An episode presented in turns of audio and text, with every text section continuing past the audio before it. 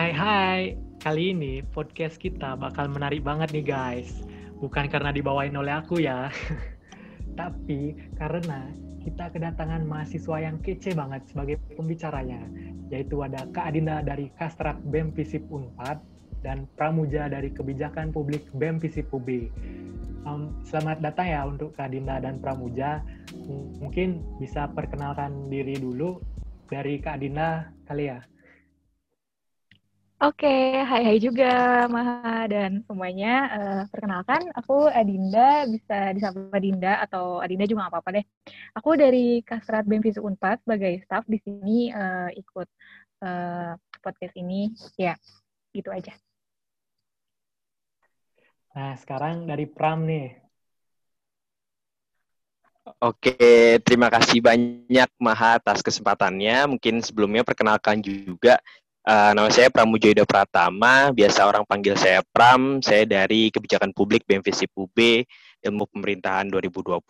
Mungkin gitu, Maha. Tuh guys, keren banget kan pembicara kita hari ini. Kita mau bahas apa sih hari ini? Kita mengangkat tema yaitu UU ITE terhadap pengekangan berpendapat. Nah, kita udah sering banget kan dengerin tentang orang-orang yang terjerat dengan UU ITE, Awalnya sih UU ini dibuat untuk menimbulkan rasa aman dari akibat kemajuan teknologi. Apalagi kita sebagai generasi milenial yang pasti gak pernah lepas dengan teknologi yang namanya gawai untuk bermedia sosial kan. Namun makin ke sini kok kayak makin banyak orang yang gak suka karena dibilang pasal karet ya. Lalu bagaimana sih pendapat dari pembicara kita mengenai UU ITE ini yang membatasi gerak kita selama menjalani kehidupan secara daring? Mungkin yang pertama pendapat dari Kak Dina. Oke, baik. Terima kasih, Maha. Sebelumnya, uh, kita bakal bahas soal UU ITE ya. Menarik banget sih, uh, relate banget kan sama zaman sekarang gitu kita bahas soal ini. Tapi uh, mungkin sebelum ke UU ITE, kita bakal bahas soal ruang publiknya dulu kali ya. Nah, seperti yang kita rasakan selama ini semuanya, kita tuh kan lagi ada di masa di mana kita tuh hampir semua kegiatan yang kita lakuin itu pindah kan.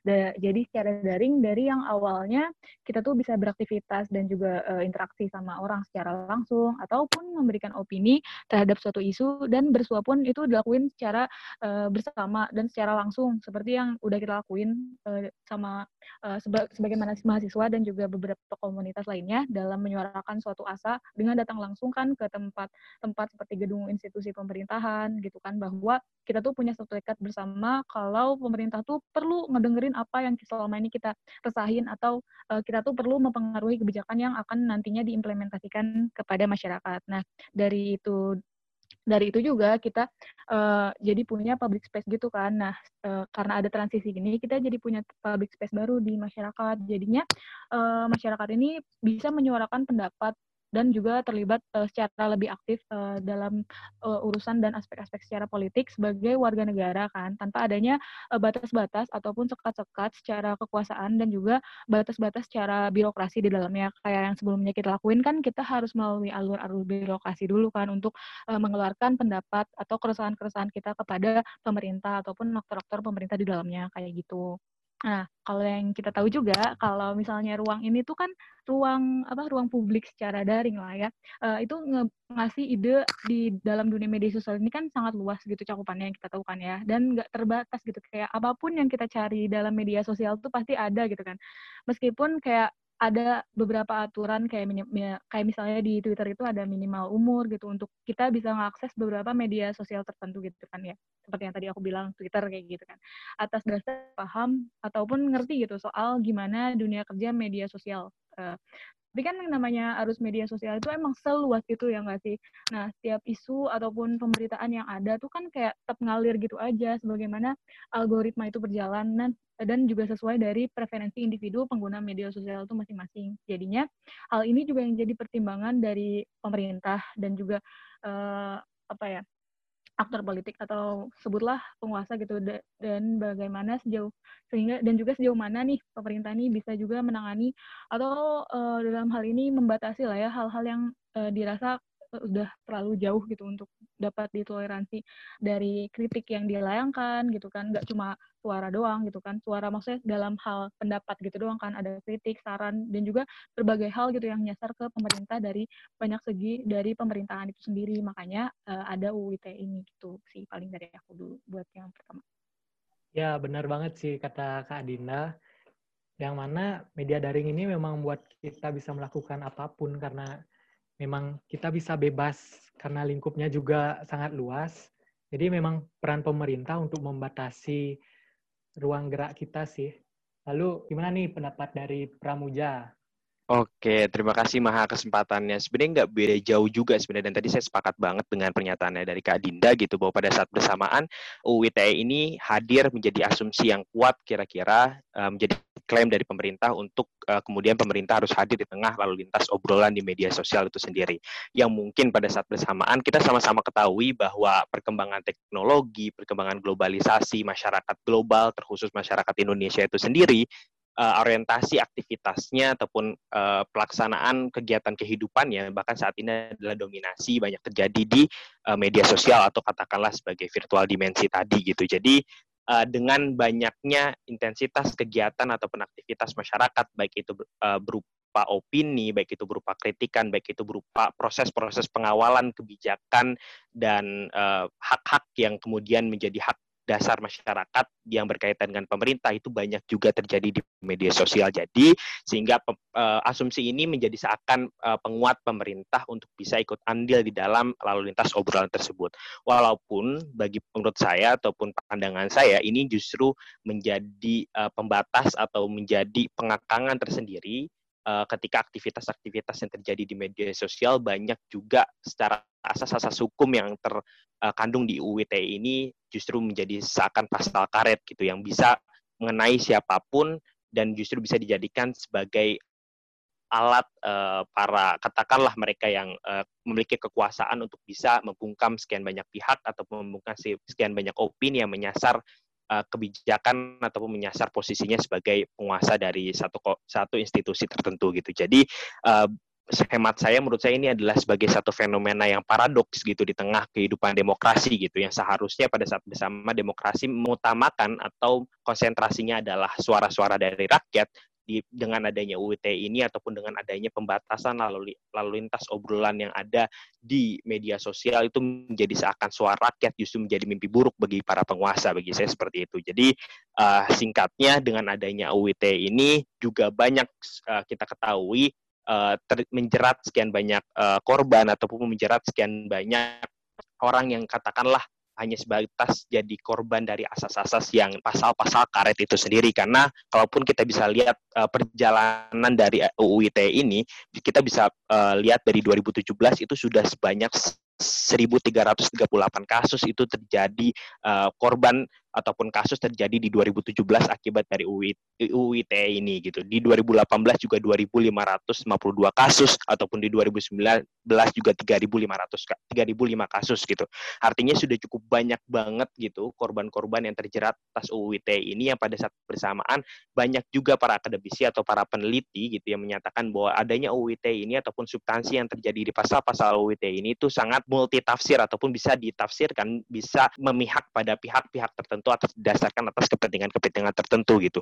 Karena secara nyatanya, secara datanya pun pelapor kasus UIT ini itu 35,92 persennya itu adalah para pejabat gitu. Jadi diasumsikan bahwa dengan adanya UIT ini bisa dijadikan alat politik ataupun bisa dijadikan alat uh, katakanlah penguasa untuk bisa membungkam opini-opini ataupun kritikan-kritikan yang hadir atas dasar posisi dan kekuasaannya. Mungkin singkatnya seperti itu Maha uh, terkait pandangan saya dengan UIT ini gitu.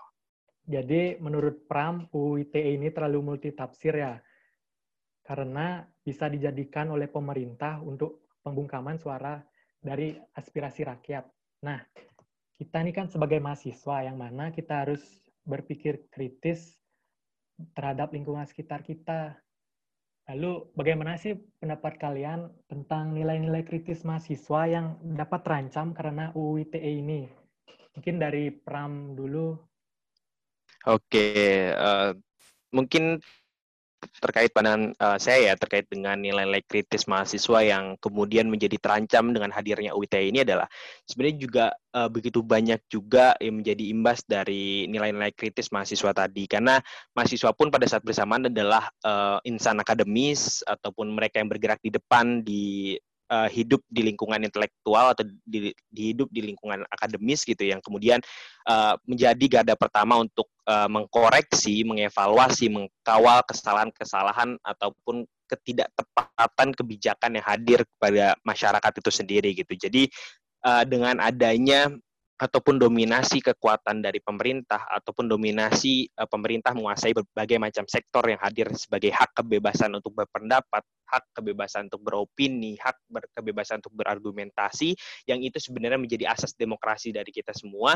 itu juga menyasar nilai-nilai kritis dari mahasiswa itu sendiri gitu. Maka kita bisa simpulkan juga bahwa dengan adanya UU ITE ini mengancam sangat gitu nilai kritis mahasiswa karena uh, banyak juga kita temukan gitu di lingkungan-lingkungan universitas atau mungkin lingkungan-lingkungan uh, mahasiswa itu sendiri gitu. Karena kan mahasiswa juga mengkritik ataupun uh, melakukan ataupun mendeliver opininya itu juga tidak jauh dari platform-platform yang ada saat ini baik itu secara virtual ataupun media sosial bahkan juga secara realitasnya kira-kira seperti itu. Jadi mungkin saya akan sedikit berpendapat tentang nilai-nilai kritis mahasiswa yang terancam tidak hanya sebatas di uh, dunia virtual ataupun di media sosial, tapi juga uh, secara realitasnya gitu.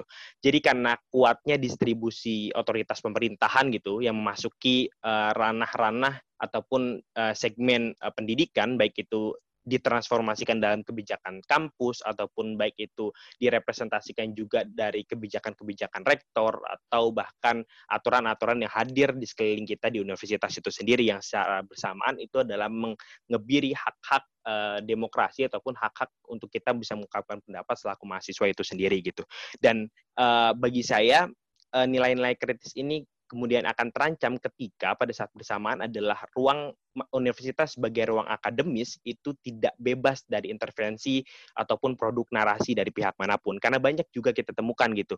Uh, kita bisa lihat dari banyaknya Eh, kasus-kasus ataupun banyaknya gerakan-gerakan yang lahir dari mahasiswa itu hanya sebatas uh, bahkan gitu kemarin contohnya ada uh, demonstrasi yang kemarin kita lakukan gitu itu juga banyak kemudian surat yang dilahirkan ataupun dilayangkan dari pihak kementerian gitu yang memerintahkan kepada para rektor ataupun universitas-universitas yang dibawa ke Kemenristek Dikti untuk tidak mengiyakan ataupun tidak mengizinkan mahasiswanya untuk bisa demonstrasi itu ataupun untuk bisa mengungkapkan hak uh, suara dan pendapatnya ataupun opininya terkait dengan kebijakan-kebijakan yang hadir gitu. Dan itu menjadi salah satu bentuk uh, pembungkaman ataupun salah satu bentuk uh, keterancaman nilai-nilai kritis dari mahasiswa itu sendiri yang walaupun nanti bisa kita obrolkan lagi bisa kita uh, bicarakan ulang terkait dengan banyak juga uh, pers mahasiswa ataupun gerakan-gerakan lain yang hadir dari mahasiswa yang kemudian dibungkam dan terancam atas dominasi otoritas pemerintahan yang tidak hanya hadir secara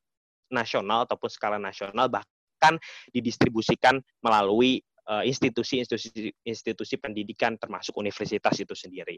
Mungkin singkatnya seperti itu sih, uh, Maha. Oh, jadi mungkin maksud Pram itu dari pemerintah secara tidak langsung membungkam suara-suara mahasiswa gitu ya, karena pemerintah mempengaruhi rektor-rektor dari setiap universitas yang mana nantinya mahasiswa itu menghentikan aspirasinya gitu ya. Lalu pendapat dari Kak Dinda gimana? Oke, terima kasih atas kesempatannya Mas Maha dan juga saya sangat setuju tadi dari pendapat uh, dari Mas Pram ya bahwa kita sebagai mahasiswa, sebagai insan akademis, sebagai kaum intelektual, itu perlu memberikan evaluasi, kita tuh perlu mengawal hal-hal yang dirasa tidak sesuai dan tidak berpihak kepada masyarakat gitu kan ya. Kalau menurut saya nih, kadang-kadang nilai kritik dari mahasiswa ini yang menyasar kepada pemerintah atau pihak tertentu itu kan dianggap sebagai ancaman yang harus ditangani baik melalui pihak universitas seperti yang tadi sudah disebutkan oleh Mas Pram. Eh, kayak misalnya ada beberapa kebijakan yang diimplementasikan seperti ada juga lagi ketika pihak universitas ini malah memperlakukan uh, drop out gitu kepada mahasiswanya. Ataupun juga uh, si apa tuh ancaman ini dilakukan juga melalui pemerintahan atau juga aktor yang dianggap memiliki kuasa di baliknya sehingga ruang kritik mahasiswa ini dapat terancam seperti kayak misalnya ada ada yang namanya uh, penculikan mahasiswa gitu-gitu kan ya melalui aparat kayak gitu-gitu melalui juga utusan dari aktor-aktor atau penguasa gitu kan.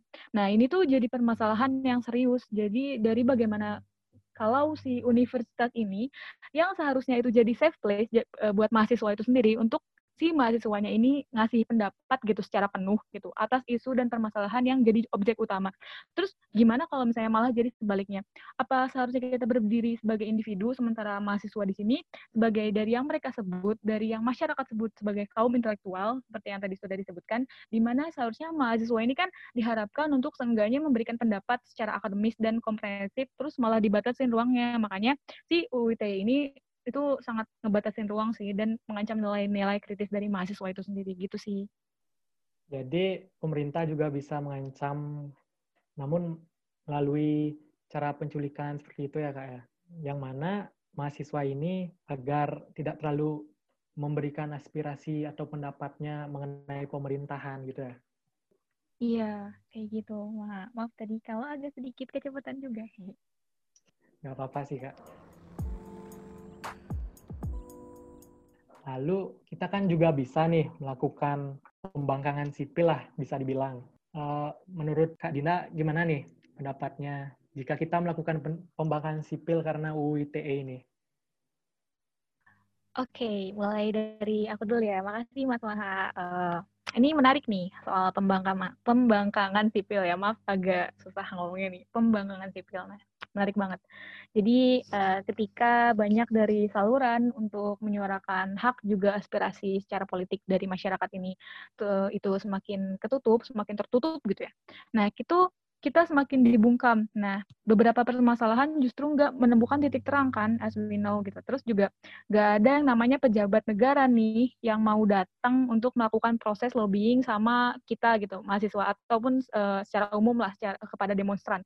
Jadinya nggak ada tuh yang namanya rekonsiliasi. Nah, semakin kita bakal menuju aksi si pemba ke pembangunan sipil ini atau sebenarnya sih ada usaha aksi lain sih ketika demonstrasi biasa udah nggak digubris oleh pemerintah. Nah, usaha pembangkangan sipil yang dilakukan pemerintah atas perlawanan yang sebenarnya dilakukan secara sistematis ini pasti ada dimulai dari beberapa isu yang dibawa atau bahkan aksi penculikan dan aksi-aksi uh, represif oleh aparat negara yang seakan dilegalkan gitu karena dianggapnya udah melawan hukum tapi gimana pun juga apa yang perlu ditegakkan kan dalam keadilan ataupun hal-hal yang perlu disuarakan gitu dan perlu diluruskan gitu oleh masyarakat dan uh, dalam masyarakat seperti yang disuarakan oleh para demonstran itu tetap digaungkan. Nah, harusnya di sini peran pemerintah tuh ataupun pemerintah itu sendiri punya strategi terbaik gitu untuk gimana caranya ngambil keputusan dari permasalahan yang ada kayak gitu. Sehingga nggak ada tuh yang namanya uh, apa tuh pembangkangan sipil ya. Meskipun pembangkangan sipil itu yang kita tahu kan nggak ada aksi-aksi kayak um, apa tuh eh, tindakan-tindakan uh, yang merusak gitu kan seharusnya gitu pembangkangan sipil tuh kayak gitu. Jadi nggak nggak sampai aksi yang anarkis gitu seharusnya kayak gitu. Jadi pemerintah tuh mikirnya gimana sih uh, untuk ambil keputusan yang terbaik itu dari pembangkangan sipil ini? Kayak gitu sih paling. Ya berarti jadi kita melakukan pembangkangan sipil karena pemerintah sudah bisa dikatakan tidak mau mendengarkan aspirasi kita lagi ya? Iya, yeah, so, benar banget benar. Hmm. lalu pendapat Pram gimana nih tentang pembangkangan sipil Oke, terima kasih Maha. Uh, ini menjadi isu yang paling menarik kira-kira deh ya uh, untuk kita selaku warga negara ataupun untuk kita selaku mahasiswa tapi menjadi isu yang begitu sensitif kira-kira untuk di telinga para penguasa gitu. Jadi saya sangat sepakat banget tadi dengan argumentasi ataupun dengan opininya dari Kak Dinda tadi gitu terkait dengan pembangkangan sipil itu bukan menjadi satu tahapan ataupun menjadi satu solusi uh, satu-satunya untuk kita kemudian mengetuk kesadaran pemerintah itu sendiri gitu. Jadi kalau menurut saya ataupun pendapat saya adalah pembangkangan sipil adalah alternatif uh, pilihan ataupun alternatif aksi ataupun ya katakanlah sebagai sikap kita selaku warga negara ataupun selaku mahasiswa yang ketika kita melakukan tahapan tahapan-tahapan kritikan, opini ataupun masukan terhadap pemerintah yang tidak juga uh, didengar atau cenderung diabaikan gitu. Jadi ketika kita mengkritik justru uh, dibalik dengan pengabaian, ketika kita aksi justru dijustifikasi bahwa aksi kita adalah digembos, uh, digembosi atau mungkin ditunggangi kira-kira seperti itu. Jadi bagi saya ataupun menurut saya bangka sipil adalah alternatif uh, sikap kita selaku mahasiswa ataupun warga negara ketika Eh, opsi-opsi lain yang sudah dilancarkan kepada kritik ataupun untuk mengawal isu-isu yang hadir yang tidak berpihak kepada rakyat tidak juga didengarkan ataupun tidak justru diabaikan oleh pemerintah itu sendiri ataupun katakanlah para penguasa itu sendiri. Seperti yang kita ketahui secara bersama gitu bahwa kan narasi dari civil uh, disobedience atau pembangkangan sipil itu sendiri itu pertama kali muncul pula di 1848 gitu. Tapi menurut saya ini menjadi sangat relevan ketika pilihan ini juga uh, kemudian menjadi pilihan akhir untuk kita bisa lakukan selaku masyarakat ataupun mahasiswa di uh, hari ini gitu ataupun di detik ini gitu. Karena uh, terkadang kita juga sepakat bahwa demokrasi adalah untuk menghimpun seluruh hak suara ataupun pendapat dan opini setiap masyarakat. Tapi kita juga tidak bisa mengesampingkan bahwa demokrasi tidak selalu memberikan keadilan ataupun keberpihakan yang sama gitu. Jadi kenapa menjadi perlu adanya mekanisme check and balances gitu ataupun uh, ter, adanya evaluasi dan pengawalan dari sekian banyak set uh, variabel masyarakat gitu. Baik itu masyarakat baik itu mahasiswa ataupun para akademisi aktivis dan segala macamnya untuk mengawal eh, kebijakan-kebijakan pemerintah ini sesuai ataupun mengedepankan kesejahteraan ataupun kedaulatan rakyat itu sendiri gitu. Jadi dengan adanya ataupun sudah ditempuhnya berbagai macam alternatif selain uh, civil disobedience ini sudah dilancarkan dan tidak juga kemudian mengetuk kesadaran pemerintah, maka ya ini menjadi salah satu alternatif yang saya kira uh, sangat relevan juga ataupun ya sah-sah saja walaupun terkadang uh, civil uh, disobedience ini selalu dijustifikasikan sebagai pelanggaran atas hukum gitu. Tapi bagi saya, hemat saya, hukum sebenarnya adalah ketika keadilan-keadilan dan diskriminasi atas hak-hak dasar manusia itu dilakukan di tengah selimut kekuasaan gitu.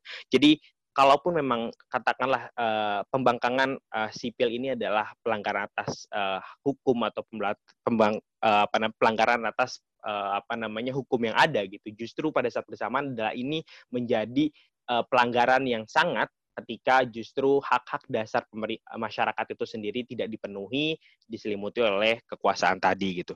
Dan e, bagi saya ini menjadi alternatif juga untuk masyarakat ataupun untuk mahasiswa untuk bisa melakukan pembangkangan ataupun untuk bisa melakukan civil disobedience ini baik itu yang katakanlah secara langsung e, berdampak pada kebijakan pemerintah atau berdampak terhadap keberlangsungan negara bahkan atau juga uh, aksi-aksi yang katakanlah bersifat simbolik gitu.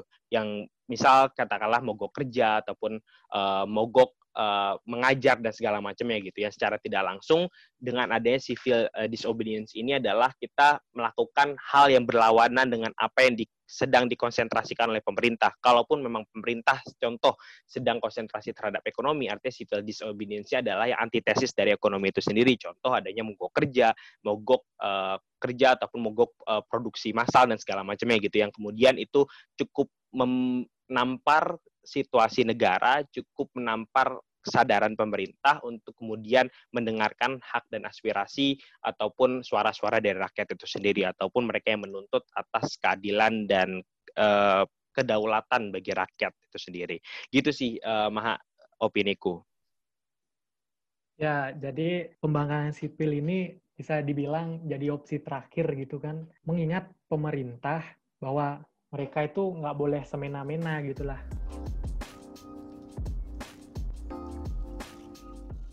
Nah, sekarang menarik nih. Gimana pendapat kalian tentang pemerintah yang menggiring opini dari masyarakat Indonesia menggunakan yang namanya buzzer? Nah, dari Pram dulu deh, gimana nih?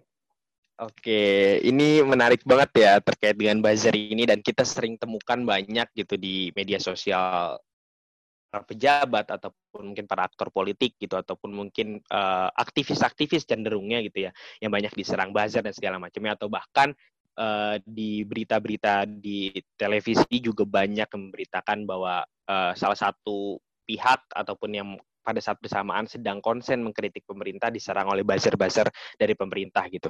Dan ini menjadi satu isu yang cukup menarik juga bagi saya selaku kita selaku mahasiswa gitu ya yang uh, cenderung uh, mungkin bisa katakanlah aktif mencoba untuk menganalisa ataupun mencoba untuk mengevaluasi dan mengawal kebijakan-kebijakan yang hadir dari pemerintahan itu sendiri. Dan bagi saya fenomena buzzer ini uh, pada saat bersamaan adalah menjadi bias juga gitu demokrasi di media sosial gitu. Karena pada saat bersamaan uh, adanya buzzer ini justru uh, mempengaruhi ataupun membuat bias lalu lintas informasi dan uh, cenderung juga kemudian narasi-narasi yang hadir di media sosial memungkinkan itu dimobilisasi oleh satu pihak tertentu, oleh satu kelompok tertentu untuk kepentingan-kepentingan kelompok tertentu gitu.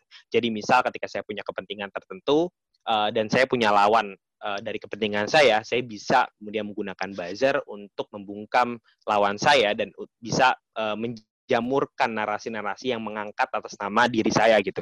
Jadi itu juga menjadi fenomena yang menurut saya tidak bisa dielakkan yang kemudian ketika eh, aktivitas-aktivitas masyarakat ataupun pengawalan atas kebijakan negara itu hadir di media sosial yang tadi kita sepakati bahwa hadirnya media, media sosial tidak terbatas pada hierarkis tertentu, setiap strata masyarakat bisa menempuh itu baik mereka yang katakanlah kaya ataupun mereka yang katakanlah uh, tidak uh, cukup uh, sejahtera secara ekonomi gitu. Jadi siapa pun bisa menempuh itu tanpa memandang status pendidikan bahkan gitu. Tidak ada juga kemudian aturan-aturan di media sosial yang contoh kalau saya mau bikin akun Instagram minimal pendidikan saya adalah S1 gitu. Atau misal kalau saya uh, mau bikin Instagram uh, minimal uh, apa namanya saya sudah melalui tahapan-tahapan pendidikan tertentu gitu. Itu kan tidak ada kriteria ke sana.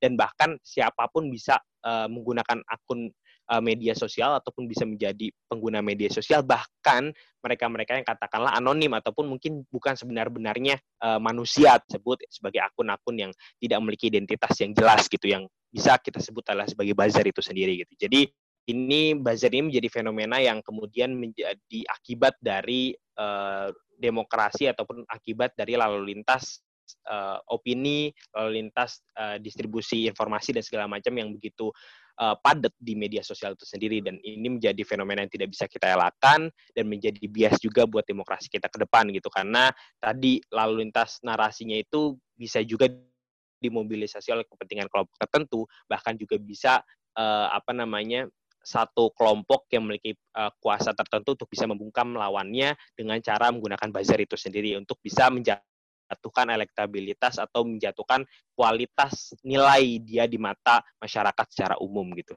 Jadi mungkin itu uh, pandangan saya terkait dengan fenomena buzzer di media sosial ini yang menggiring opini-opini publik kepada kepentingan-kepentingan tertentu. Gitu mungkin Maha. Jadi pemerintah mengerahkan buzzer bisa dibilang untuk memengaruhi masyarakat agar bisa memihak kepada pemerintah yang mengerahkan buzzer gitu ya. Lalu Gimana nih menurut Kak Dinda tentang buzzer? Oke, oke. Makasih buat Pram, hmm, sumpah tadi ngasih insight yang banyak banget nih buzzer gitu kan, as we know gitu kan. Buzzer nih sering banget kan ditemuin gitu kan. Aku yakin deh pasti Maha, Mas Mahar nih kalau misalnya main di atau berselancar di media sosial atau Mas Pram gitu atau semuanya pasti pernah nemuin sengganya satu buzzer yang lagi ngelakuin halnya gitu kayak dia tuh lagi berusaha atau berupaya untuk apa tuh memberikan informasi yang sekiranya akurat gitu mereka rasa gitu. Terus kita kayak berusaha kayak oh ini apa nih? Gitu kan kadang kayak tadi yang disebutin juga hal ini juga jadi suatu kebiasaan gitu. Terus memberikan juga apa eh, kebiasaan dalam lalu lintas informa, eh, informasi gitu kan ya. Yang dimanipulasi gitu kan dalam suatu kepentingan tertentu gitu kan.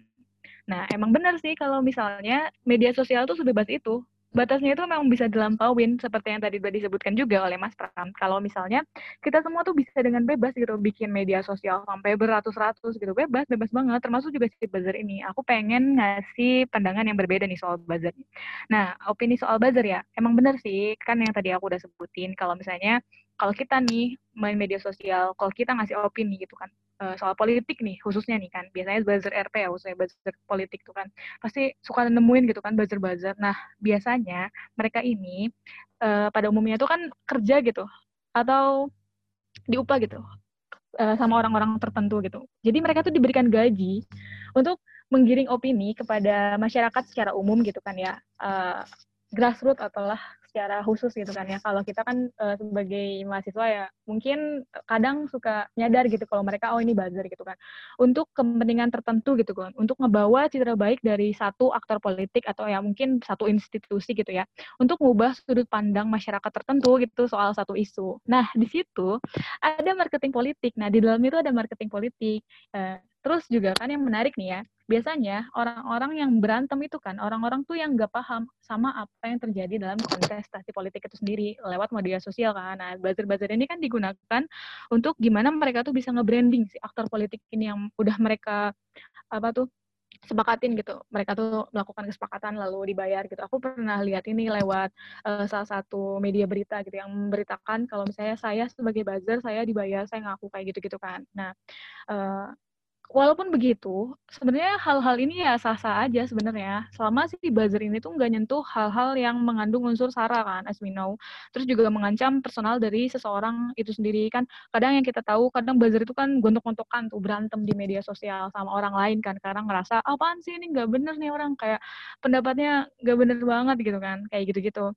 Nah, itu baru satu hal yang memang apa ya mengancam ataupun kayak uh, jadi satu hal yang berbahaya gitu di media sosial kayak gitu.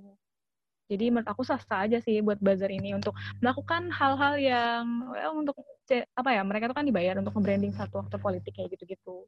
Cuma ya emang ada batasan-batasan tertentu lah ya kayak gitu sih. Jadi menurut Kak Adinda ini adanya buzzer sih sah-sah aja ya. Ini bertujuan untuk membangun brand dari ya bisa dibilang si penggaji buzzer ya.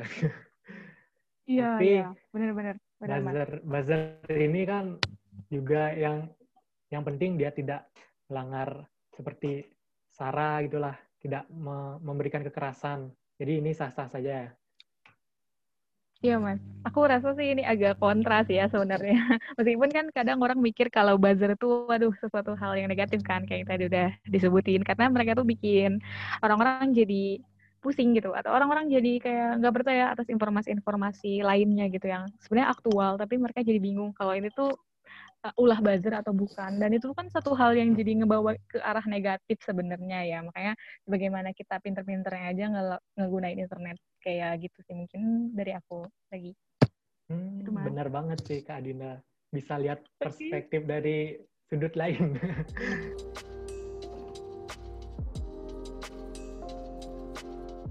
sekarang kita mau bahas tentang gimana sih pendapat kalian tentang pembungkaman pers dan pembatasan gerakan mahasiswa saat ini. Dari Kak Adinda bisa kali dulu ya. Oke, okay, boleh, boleh, boleh. Soal pembungkaman pers, pers mahasiswa kan ya pada khususnya, terus juga pembatasan gerakan-gerakan yang dilakukan oleh mahasiswa. Ah, buat soal ini ya, um, aksi protes yang dilakuin atau dilayangkan gitu melalui media kan oleh mahasiswa khususnya pers kan ya. Pers mahasiswa kan punya akses gitu mereka uh, buat uh, ngasih informasi lewat media-media yang mereka punya gitu kan kepada mahasiswa lainnya atau masyarakat pada umumnya. Itu kan pada ujungnya kadang direspon uh, untuk dibungkam gitu kan oleh aparatur negara yang disebutkan sebagai ya mereka tuh sebagai penegak hukum lah ya. Nah mereka tuh dibungkam melalui beberapa proses sebelum itu kayak misalnya ada pengintaian seperti yang kita tahu kan eh, apa tuh kena ke beberapa mahasiswa lainnya gitu kan ada beritanya gitu. Yang hal ini juga berlanjut nih ke aksi-aksi penculikan gitu. Uh, uh, terus juga jadi ini tuh sebagai kebebasan berekspresi buat kita atau gimana ya? Nah bahwasanya tuh kayak tindakan ini tuh merupakan tindakan yang menurut aku sih represif ya. Sebagaimana kayak misalnya uh, kita melayangkan aksi-aksi protes gitu kan. Terus direspon sebagai pembungkaman seperti yang tadi aku udah bilang itu direspon secara represif gitu kan. Sebagaimana ada aksi-aksi tindak kekerasan dari aparat negara. Dalam apa ya sebutannya upaya-upaya yang aparat negara ini sebut sebagai upaya untuk menjaga ketertiban gitu atau keamanan bagi bagi siapa ya ini bagi masyarakat atau bagi penguasa gitu kan kadang kayak kita juga nggak jelas gitu kan karena apa yang mereka sebut sebagai menjaga ketertiban dan keamanan tuh malah uh, jadi kayak buat kita sebagai mahasiswa yang uh, di ditindaklanjutin sama aparat dengan uh, apa tuh yang tadi aksi-aksi penculikan ataupun pengintaian. Nah, sebenarnya itu kan uh, suatu hal yang bermasalah gitu. Itu tuh sangat disayangkan menurut aku karena hal itu kayak nggak perlu gitu loh. Kalau bisa sih harusnya dituntut balik sih karena kita kan emang sebagai mahasiswa seharusnya punya ruang gitu untuk memberikan suara gitu kan khususnya kepada pers gitu kan pers mahasiswa gitu kan. Kita juga melakukan aksi-aksi gerakan juga ada ada apa ya ada aksi-aksi yang dilakukan dengan strategi-strategi tertentu gitu kan. Terus kenapa yang kita tahu nih sejauh ini kenapa masih ada aja aksi kayak pembungkaman nih maksud aku pembungkaman di sini kayak uh, yang tadi aku bilang kayak sampai uh, ada berlanjut kepada aksi-aksi yang penculikan ataupun kekerasan kayak gitu kepada mahasiswa. Itu kan suatu hal yang benar-benar sangat jauh gitu kan. Maksudnya uh, kenapa aparat bisa melakukan hal yang seperti itu gitu kan. Benar-benar uh, apa ya sangat disayangkan banget sih. Jadi emang harus dituntut balik sih kalau bisa nih aparat ini kayak gitu. Benar banget sih. Ya kenapa pemerintah malah membungkam dari suara-suara kita sebagai rakyat kecil bisa dibilang ya. Padahal mm-hmm. kita sebagai negara Indonesia menjunjung tinggi kebebasan berpendapat. Iya. Lalu gimana nih pendapat pendapat dari Pram? Oke, ya uh, mungkin uh, pendapatku juga apa namanya nggak jauh berbeda ya gitu dengan adanya eh, fenomena-fenomena pembungkaman pers gitu dan pembatasan gerakan mahasiswa yang tadi sudah disebutkan oleh Kak Dinda dan itu benar-benar apa adanya yang kita rasakan kira-kira gitu selaku mahasiswa itu sendiri gitu. karena juga banyak sebenarnya sejarah juga mencatat tidak hanya sebatas ungkapan-ungkapan yang malam ini kita apa namanya saya Kak Dinda gitu mungkin kawan-kawan nanti kemudian dengarkan gitu ya. Cuman ini menjadi salah satu juga uh, banyak juga catatan-catatan sejarah ataupun historis yang kemudian mencatat banyaknya terjadinya pembungkaman pers ataupun kebebasan untuk uh, mahasiswa bisa uh, mengungkapkan realita yang ada terkait dengan kebijakan-kebijakan ataupun terkait dengan uh, para penguasa itu sendiri dibatasi ataupun dibungkam gitu dengan berbagai macam uh, tindakan dengan berbagai macam cara yang tadi mungkin sudah disebutkan juga oleh Kak Dinda gitu baik itu melalui penculikan baik itu melalui tan uh, apa namanya unit kegiatan mahasiswa yang bergerak di dunia pers gitu ataupun bahkan juga intimidasi-intimidasi yang banyak terjadi juga yang dilakukan oleh aparat itu sendiri gitu. Jadi uh, mungkin setidaknya saya ingin uh, mengutip beberapa ataupun uh, sia sejarah Indonesia ini, sejarah negara kita terkait dengan pemerintah yang begitu sensitif gitu dengan ataupun bahkan juga birokrat birokrat baik itu mungkin di kampus ataupun ya tingkat nasional gitu ya yang sedikit kiranya agak sensitif terkait dengan uh, pers dari mahasiswa itu sendiri gitu. Saya bisa coba untuk uh, kutip dari bahkan di 2019 kemarin gitu kita bisa sama-sama tahu di media sosial begitu ramai uh, kasus pembungkaman pers ataupun hak-hak bicara mahasiswa yang uh, menyasar kepada salah satu mahasiswi UGM gitu. Salah contohnya adalah Citra Maudi yang dia mengungkapkan ataupun mengangkat isu dan narasi terkait dengan pelecehan uh, seksual ataupun kekerasan seksual yang terjadi di oleh apa yang terjadi kepada salah satu mahasiswi UGM di sana dan kemudian justru mengalami uh, pembungkaman atau bahkan diusut tuntas uh, kerana uh, aparat gitu yang uh, itu justru malah berbalik gitu yang seharusnya di Eh, konstitusi harus mampu menjamin ataupun harus mampu melindungi mereka yang bersuara, namun justru malah membungkam ataupun malah menarik mereka yang bersuara ke juru uh, apa kerana hukum gitu.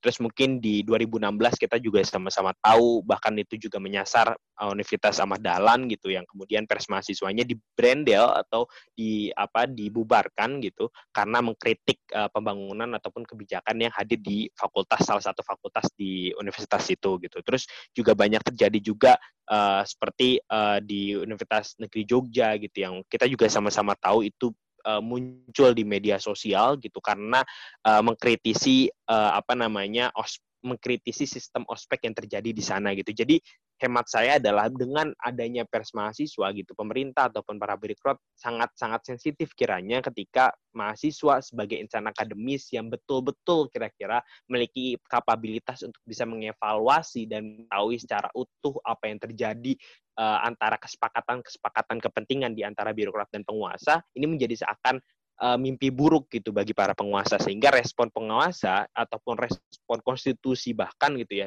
bukannya uh, apa melindungi hak-hak mereka yang bersuara namun justru membabat habis mereka yang bersuara gitu ataupun uh, katakanlah secara institusi adalah uh, pers mahasiswa itu sendiri gitu. Jadi uh, hemat saya adalah dengan uh, banyak juga terjadi kasus-kasus uh, pembungkaman pers ataupun kasus-kasus pembatasan gerakan mahasiswa yang uh, pada saat bersamaan adalah itu menjadi respon represivitas dari para penguasa di saat mahasiswa uh, selaku insan akademis mencoba untuk mengkawal aspirasi-aspirasi yang seharusnya itu direpresentasikan dari setiap kebijakan yang dilahirkan dari pemerintah, namun karena pemerintah tidak cukup sanggup ataupun para penguasa tidak cukup sanggup untuk menjalankan aspirasi-aspirasi dari rakyat, jadi ketika mahasiswa menyuarakan itu justru dibungkam, justru uh, apa namanya uh, dibatasi geraknya salah satu adalah di brandel pers mahasiswanya gitu. Mungkin uh, gitu maha gitu terkait dengan fenomena yang ya terjadi juga gitu di negara kita dan itu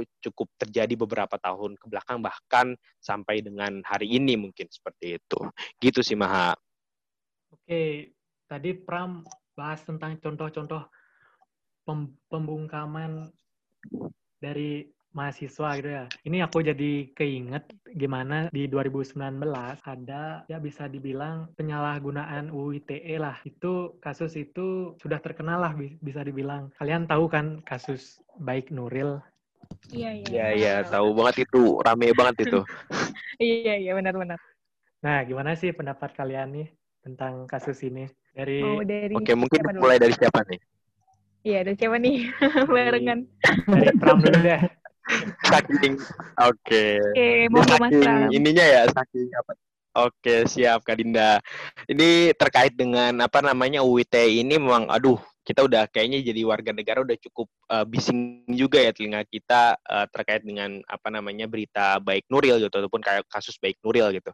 Yang ini menjadi salah satu bentuk di mana kecacatan dari UIT itu dibuktikan ketika mereka mampu menjerat terhadap pihak-pihak yang kita sama-sama sepakat mungkin tidak uh, kebetul uh, tidak kemudian harusnya dilakukan seperti itu oleh konstitusi gitu. Jadi uh, dengan ya pandangan saya terkait dengan uh, bobroknya UIT ini terhadap kasus Baik Nuril ya mungkin karena uh, kaos uh, UU ITE ini tadi secara substansi juga multitafsir gitu banyak para pengamat yang berpendapat demikian dan dengan substansi yang multitafsir tadi bisa juga dimobilisasi oleh kepentingan-kepentingan tertentu. Karena kita sama-sama tahu bahwa kasus uh, baik Nuril ini kan uh, bermula dari uh, saya mungkin sebut adalah di berita juga banyak gitu dirilis bahwa ini adalah mantan kepala sekolah di tempat bekerjanya baik Nuril ini. Karena baik Nuril ini adalah salah satu tenaga pendidikan yang ada di salah satu sekolah di Indonesia gitu dan dia mengalami katakanlah pelecehan seksual secara verbal gitu yang dilakukan oleh mantan kepala sekolah uh, di sekolah tersebut gitu.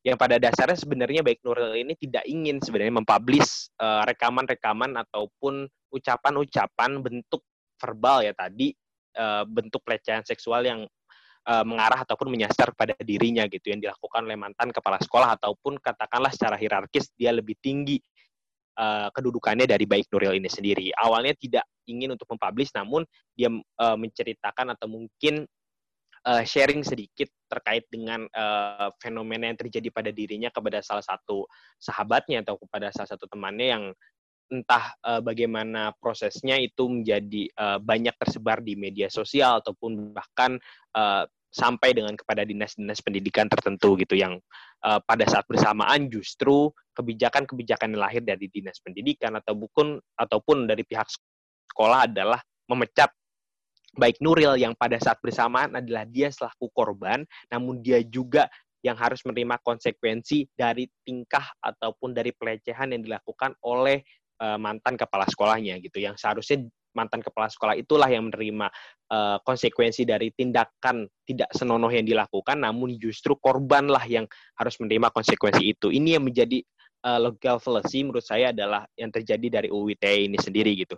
Dan ya walaupun kita sama-sama tahu dengan kasusnya baik Nuril ini sudah uh, kemudian diberikan uh, apa namanya diberikan kompensasi uh, hukum gitu yang akhirnya baik Nuril tidak harus masuk kepada jeruji besi itu sendiri yang itu dikuatkan oleh presiden gitu.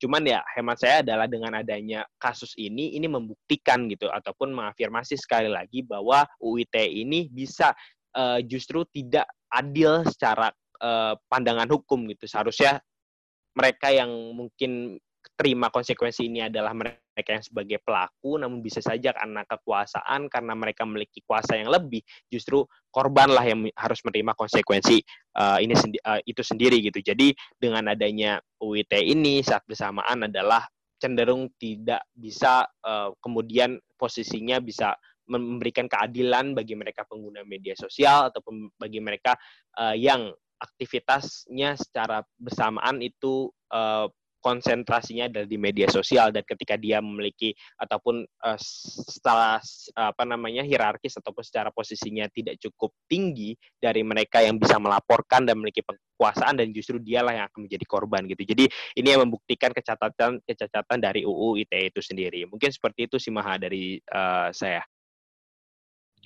Oke, ih Bener banget sih. Iya, aku aku mau sedikit nambahin juga maksudnya nyambung gitu ke bahasan yang tadi udah disebutin sama Mas Pram ya. Iya, kasus ini udah terjadi sebelumnya di tahun 2017 sih sebelumnya ya. Uh, tapi berlanjut dan rame banget di tahun 2019 ya as we know waktu itu kan uh, seperti yang kita tahu ada tagar-tagar save Ibu Nuril, save baik Nuril ataupun koin untuk Ibu Nuril kan karena yang kita tahu ketika Ibu Nuril ini terjerat oleh pasal-pasal yang uh, disebutkan di UU ITE di pasal khususnya pasal 27 ayat 1 gitu kan.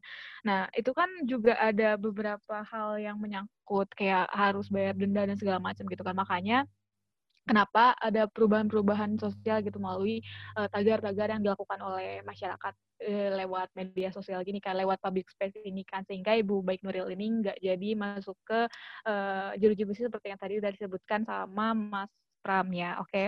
Kalau aku sih menurut pendapat pribadi aku ya, ya waktu itu uh, Ibu Baik Nuril ini uh, kejerat kasus soal pelecehan seksual ya kan ya uh, yang terjadi secara tidak langsung gitu kan melalui telepon ya bener kan ya terus direkam gitu kan terus ya dilaporin sama Ibu Baik Nuril ini bener kan yang tadi udah dijelasin juga sama Mas Pram terus juga kan ketika laporan ini terus dilaporkan terus malah ngebalik gitu jadi gugatan bagi Ibu Baik Nuril gitu kan terus Nah, ini tuh jadi bukti kalau emang pasal yang ada di UU ITE ini emang tolak ukurnya itu emang gak jelas.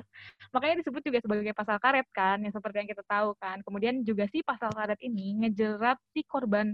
Sebagaimana ya kepentingan dari si yang ngaduin itu kan, bener kan? Yang ngajuin tuntutan itu sendiri. Pas we know si apa kepala sekolah kan ya. Mohon maaf nih aku sebenarnya emang dulu ngikutin agak-agak sedikit lupa nih aduh ya Allah.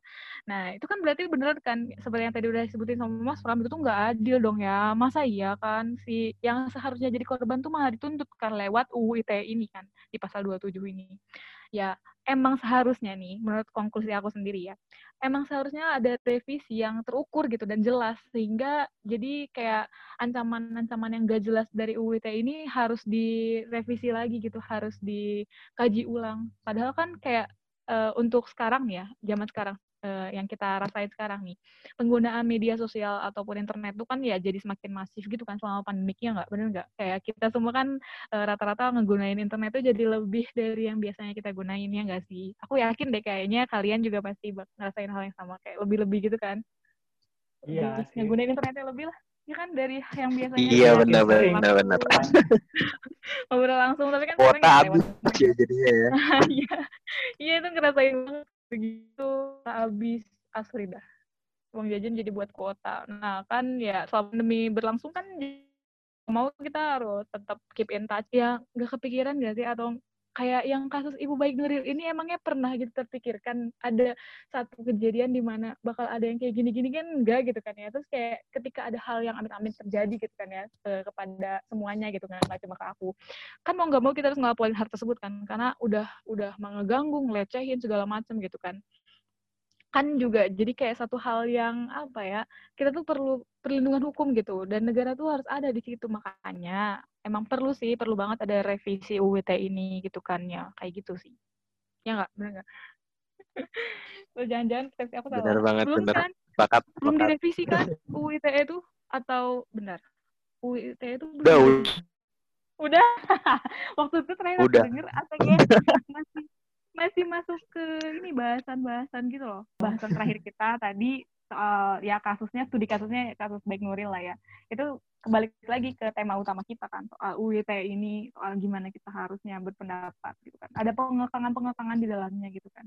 Jadi mana seharusnya kita kan nah, bagaimana apa ya asas dari demokrasi itu sendiri gitu kan. Tapi kenapa malah ada kayak pembatasan, pengekangan, apalagi kan di masa pandemi seperti ini gitu. Itu hal yang harusnya jadi lebih diperhatiin lagi sih kalau menurut aku gitu.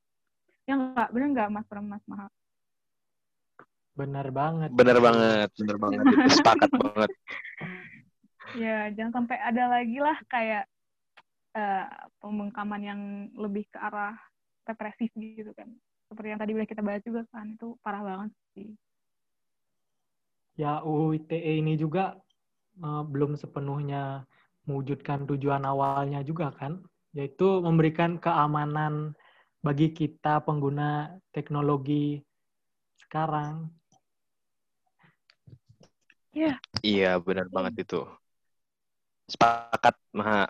Ya emang adanya Sepakat, gitu sih ya. Kadang Iya, kita juga nggak bisa memungkiri gitu tujuan awalnya apa, justru realitanya seperti apa gitu.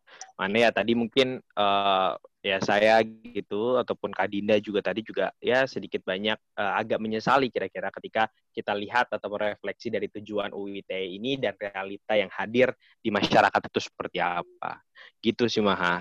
Jadi ya ya kita berharap aja lah semoga ke depan terjadi apa revisi itu apa namanya cukup bisa uh, memberikan uh, pengaruh ataupun cukup bisa merubah hal-hal yang saat ini menjadi kecacatan UIT itu di untuk menghadapi masyarakat-masyarakat uh, di media sosial itu sendiri sehingga tujuannya ya bisa tercapai gitu dan bisa maslahat lah untuk ma uh, masyarakat Indonesia gitu tuh Maha.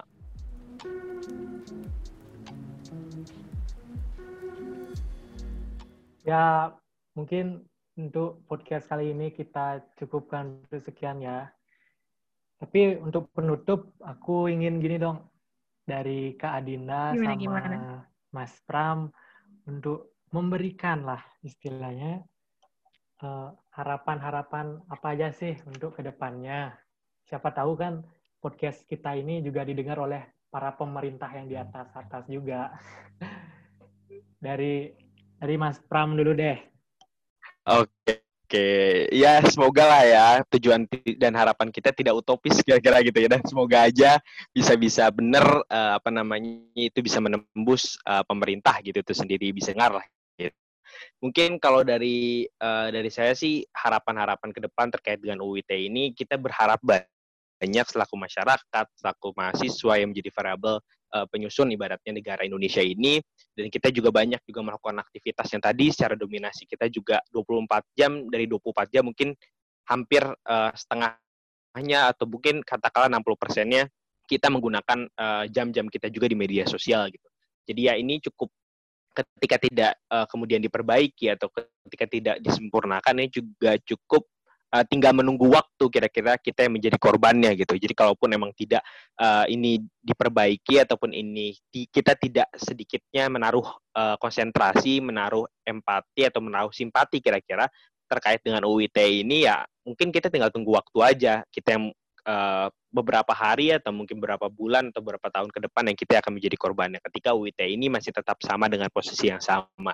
Jadi harapan saya tadi uh, mungkin ke depan para apa namanya uh, legislator, para uh, regulator juga gitu yang uh, menetapkan ataupun membentuk dari undang-undang ini bisa kemudian mengevaluasi undang-undang ini yang selama ini sudah berjalan, fenomena-fenomena terjadi yang justru uh, dengan asas awal untuk bisa melindungi masyarakat di media sosial, namun justru mendiskrimina mendiskriminasi atau mendiskreditkan gitu hak-hak uh, masyarakat di media sosial itu sendiri.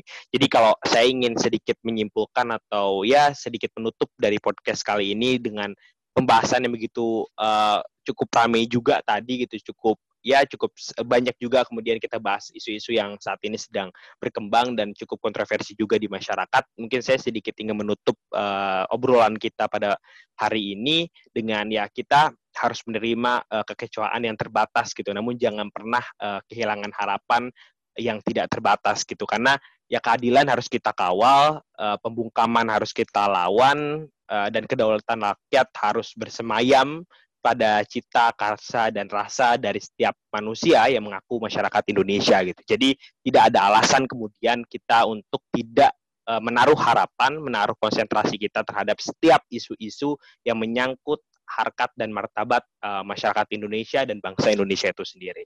Mungkin uh, seperti itu Maha dari saya dan menutup obrolan pada hari ini gitu. Mungkin ya nanti bisa lanjut di Kadinda gitu uh, terkait dengan apa namanya podcast hari ini. Terima kasih Maha. Ya, terima kasih juga untuk Pramuja dari UB ya. Nah, sekarang untuk Kadinda gimana nih harapannya untuk ke depannya? Oke, okay. Sumpah ya, aku pengen tepuk tangan banget sih. Ngedenger yang tadi udah dijelasin, udah dipaparin sama Mas Ram. Keren sih. Keren banget sih. ya kan keren banget. Mungkin aku bakal simpel aja sih. Kayak buat aturan hukum UIT ini ya. Semoga nanti nggak kedengeran lebih apa ya kedengeran objektif lagi kayak cuma apa ya um, menelik ke si pelapor gitu kan sementara dia nggak memperhatikan ke si korban gitu kan. Karena benar yang tadi kata Mas Pram kalau kita tuh kan emang jadi hidup di bawah internet gitu kan kan kita tuh selalu uh, facing di internet everyday gitu kan ya. Terus kayak uh, aku juga berharapnya semoga kan kita ini negara berdemokrasi ya negara yang memiliki asas demokrasi ya. Semoga dengan apa ya tanpa adanya UU ITE yang memberikan apa tuh apa namanya yang tadi dibilang tuh soal uh, apa tuh pasal-pasal karet gitu ya tanpa ada hal-hal yang seperti itu karena sudah direvisi ya. Jadi kita tuh nggak lagi merasa was-was ataupun ngerasa apa ya harus harus berhati-hati yang sangat gitu kan atau malah takut gitu soal apa ya gimana memberikan opini gimana berpendapat di media sosial di publik gitu kan kayak gitu-gitu sih. Jadi emang apa ya harusnya sih dengan adanya UWW ini kita lebih diberikan keamanan gitu. Bukan malah kita jadi takut. Kan jujur aja sih sebenarnya aku juga jadi agak takut sebenarnya buat apa ngasih pendapat gitu lewat media sosial karena adanya hal-hal seperti ini gitu kan. Kan yang yang menyerang orang-orang kayak yang udah kena terus mereka di penjara karena karena hal-hal yang menurut orang-orang lain nggak bener gitu. Padahal kan bisa lewat ya musyawarah atau mufakat tertentu gitu. Nggak perlu harus selalu lewat uh, apa tuh namanya uh, represi lewat aparat kayak gitu-gitu sampai di penjara dan lain-lain gitu. Jadi uh, harapan aku sih ke depannya masyarakat jadi lebih bisa berekspresi dengan bebas gitu di uh, ruang publik kayak gitu. Oke, jadi itulah ya mungkin para pemerintah yang mendengarkan podcast kita kali ini semoga ter ke trigger lah bisa dibilang ya dan semoga ke depannya pemerintah pun melakukan hal yang terbaik bukan untuk kepentingannya mereka sendiri karena mereka berada di atas itu juga karena peran kita kan. Ya sekian dulu podcast dari kita. Semoga ke depannya Unpad dan UB bisa berkolaborasi lagi. See you